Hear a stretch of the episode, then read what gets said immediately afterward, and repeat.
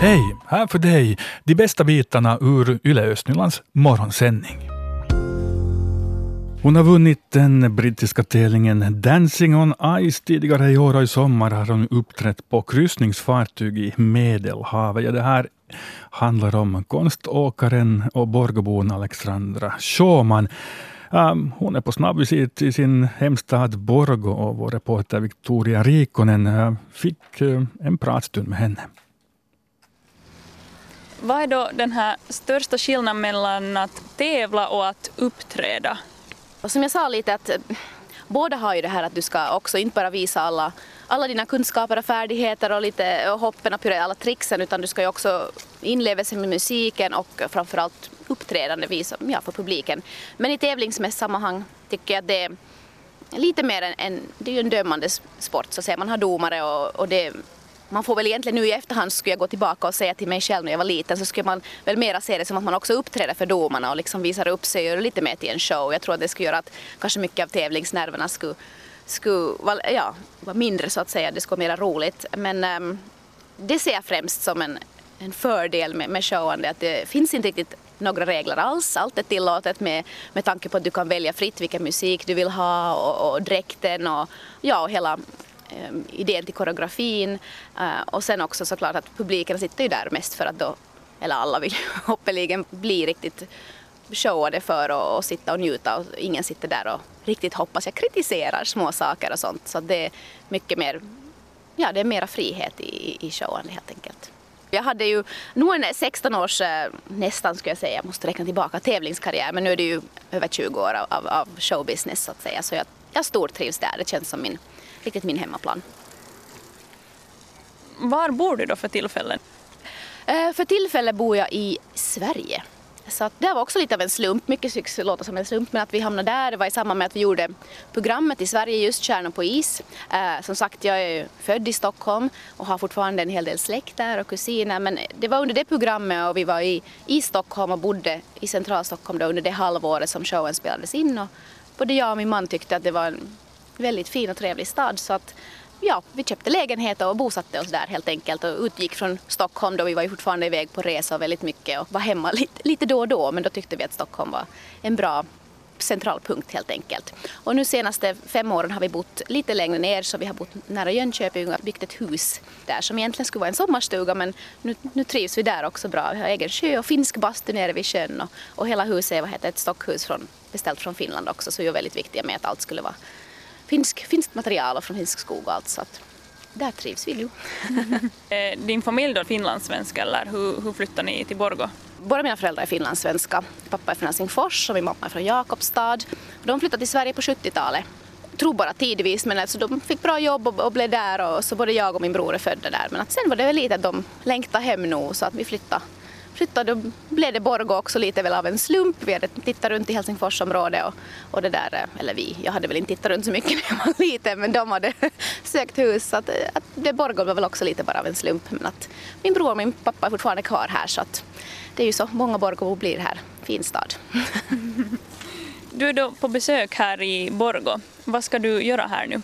Ett, en snabb visit. Jag försöker nog komma, jag har fortfarande min pappa, min bror och brorsdöttrar och, och kusiner och mycket släkt och vänner i, i Finland så jag försöker alltid när jag har möjlighet komma till Borgå och hälsa på. Men det brukar vara ganska fullspäckat schema nog med, med mycket, mycket träffar och, och kaffestunder och ja, allt möjligt roligt. Men det blir snabbt väldigt fullspäckat och sen hinna lite såklart njuta av Borgå också.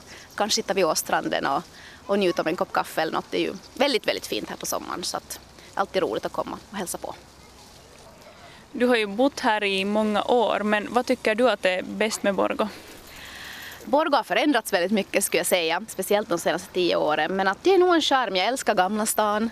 Så det känns som att jag alltid tar mig en liten promenad och går och tittar. Och jag är väldigt glad att, att kyrkan är, så fin som den fortfarande är. Så att har man besök av någon från utlandet så tycker jag det är fint att just visa upp Gamla stan och ån. Och, eh, men hela Borgå har nog sin charm. Jag vet inte vad man kan inte alltid sätta fingret på det men att man känner igen sig och så är det mycket nytt och, och, och jättefint vid vattnet också tycker jag. Vad kommer framtiden att bära med sig nu? Ja, vi får se. Det kan nog bli um, svårt att ge upp så att säga. Som, som jag nämnde tidigare, det är verkligen mitt drömyrke. Eh, och jag trivs så otroligt bra på scen så jag skulle nog vilja hålla kvar lite av den andan. Vi får se. Men sen är det väl dags också att lite trappa ner på takten och det är svårt att, um, att kanske hålla tempo med att just eh, alla resanden och, och, och långa flygturer och sånt tar ju på också. Att eh, lite börja känna efter, vi har lite dragit ner på takten än, men att hitta en liten medelpunkt, kanske göra någonting, eh, några små shower då och då, kanske lite mer vara med. Jag är väldigt intresserad av koreografin och baksidan av produktionen av, av showen, så att kan jag inte stå på scen och mera så, så det där eh, tror jag gärna att jag vill ha, ha ett finger med i spelet i alla fall med, med att producera shower eller koreografera. Och, ja, vi får se, så har jag tänkt i alla fall. Det skulle vara roligt att, att behålla det och åtminstone utnyttja all den erfarenhet och kunskap som jag har fått de senaste 20 åren. Och det här sa alltså Alexandra Schauman som eh, Victoria Rikonen hade träffat. Vi har också en webbartikel som berättar om Alexandras eh, ja, tankar och, liv just nu. Det här med konståkning sådär internationellt.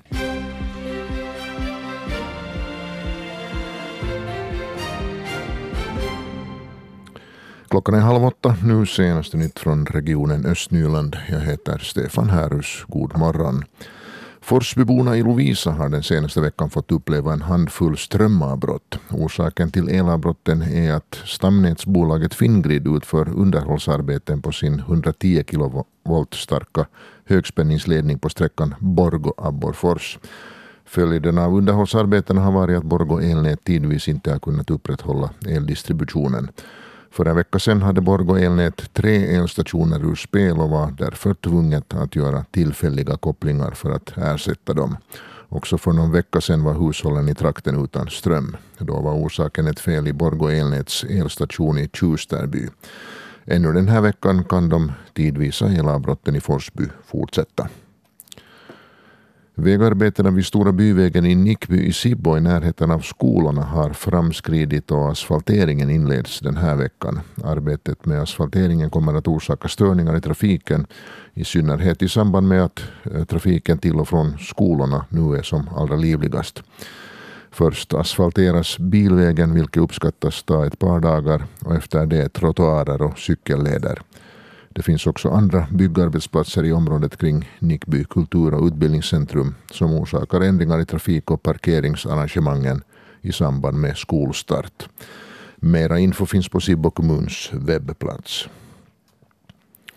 Ett rep trasslade in sig i en segelbåtspropeller vid Unas i Borgå skärgård igår på eftermiddagen. Följden var att båten började driva med vinden, uppger tidningen Osima. Sjöbevakningen kom till hjälp och bogserade båten till närmaste brygga. Och så ett par sportnyheter. Butchers från Borgo förlorade knappt sin match mot Crocodiles från Seinäjoki i den amerikanska fotbollens lönnliga. Matchen på bortaplan nu på veckoslutet slutade 30-29 till hemmalaget. På grund av förlusten föll Butchers till plats fem i serietabellen. På fredag möter Butchers Eh, hemma i Borgo eh, Saints från Tammerfors. FC Futuras herrar spelar på lördag en jämn match mot FC Konto från Helsingfors i fotbollens division 3. Matchen slutar 0-0.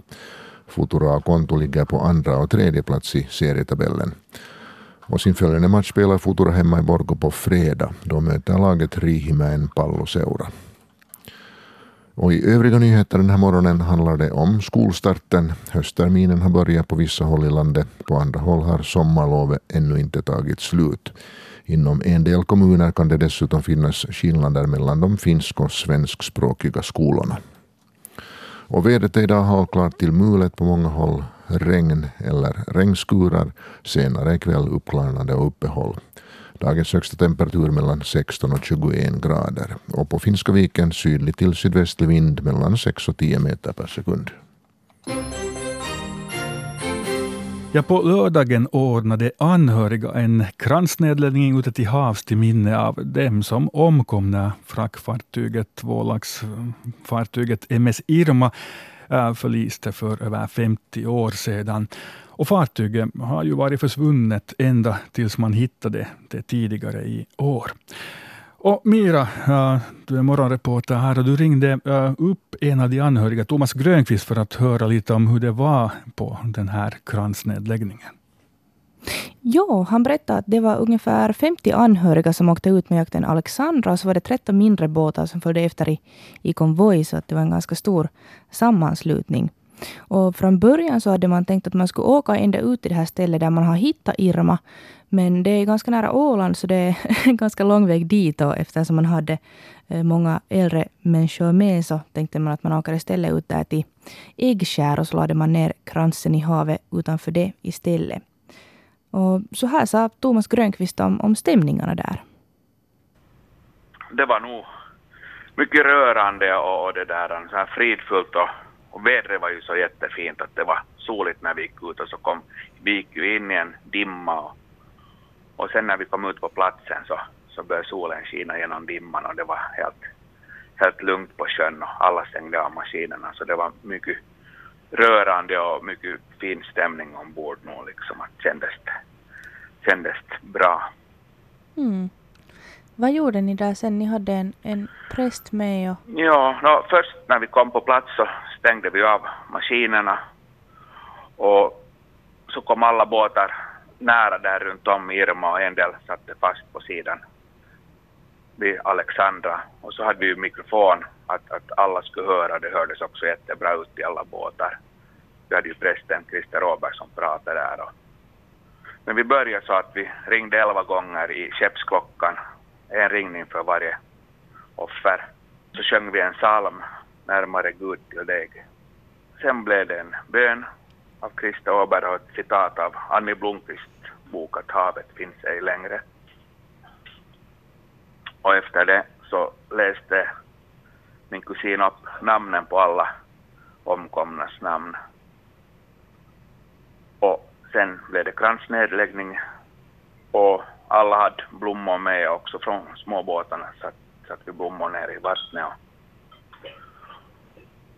Och sen efter det så sjöng vi ännu en psalm, Härlige jorden. Och så signalerade vi i mistluren en lång signal för till minnet av det här tillfället och för de omkomna. Det var riktigt mycket bra. Det låter som en, en fin tillställning. Det var nog verkligen jättefint. Och, mm.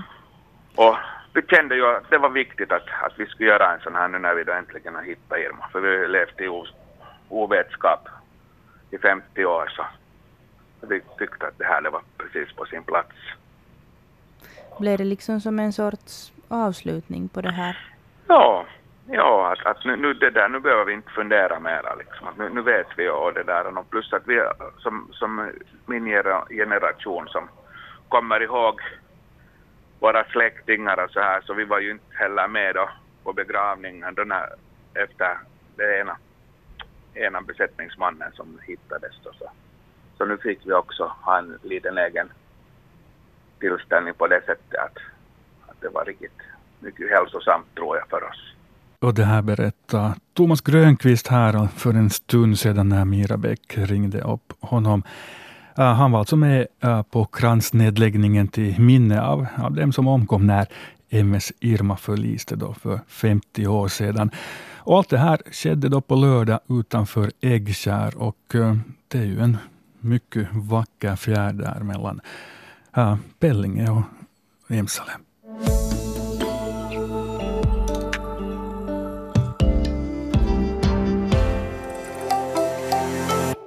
Ja, det är lite skolstart i dubbel betydelse där i Tolki. Eklöfska skolan sätter igång så här för första skolåret.